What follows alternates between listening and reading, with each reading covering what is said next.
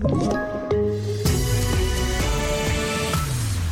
TV4-nyheterna börjar med att det är trassel i tågtrafiken på flera håll idag. Flera tåg till och från Göteborg har fått ställas in på grund av spårfel och det finns ingen prognos för när tågen kan rulla som vanligt igen. Och det blev totalstopp i tågtrafiken norr om Stockholm efter att ett godståg spårat ur vid Häggvik. Och det här påverkar både fjärrtåg och lokaltrafik. Här finns inte heller någon prognos för när trafiken kan rulla som vanligt igen och det kalla vädret gör dessutom reparationsarbetet svårare svetsning i lägre temperatur än minus 5, det, det är bara att glömma. Eh, då får man hitta på andra typer av lösningar som innebär att troligtvis kommer vi behöva sänka hastigheten även när vi har reparerat. Så att det kommer ta längre restid eh, förbi den här platsen. Det sa Bengt Olsson som är presschef på Trafikverket.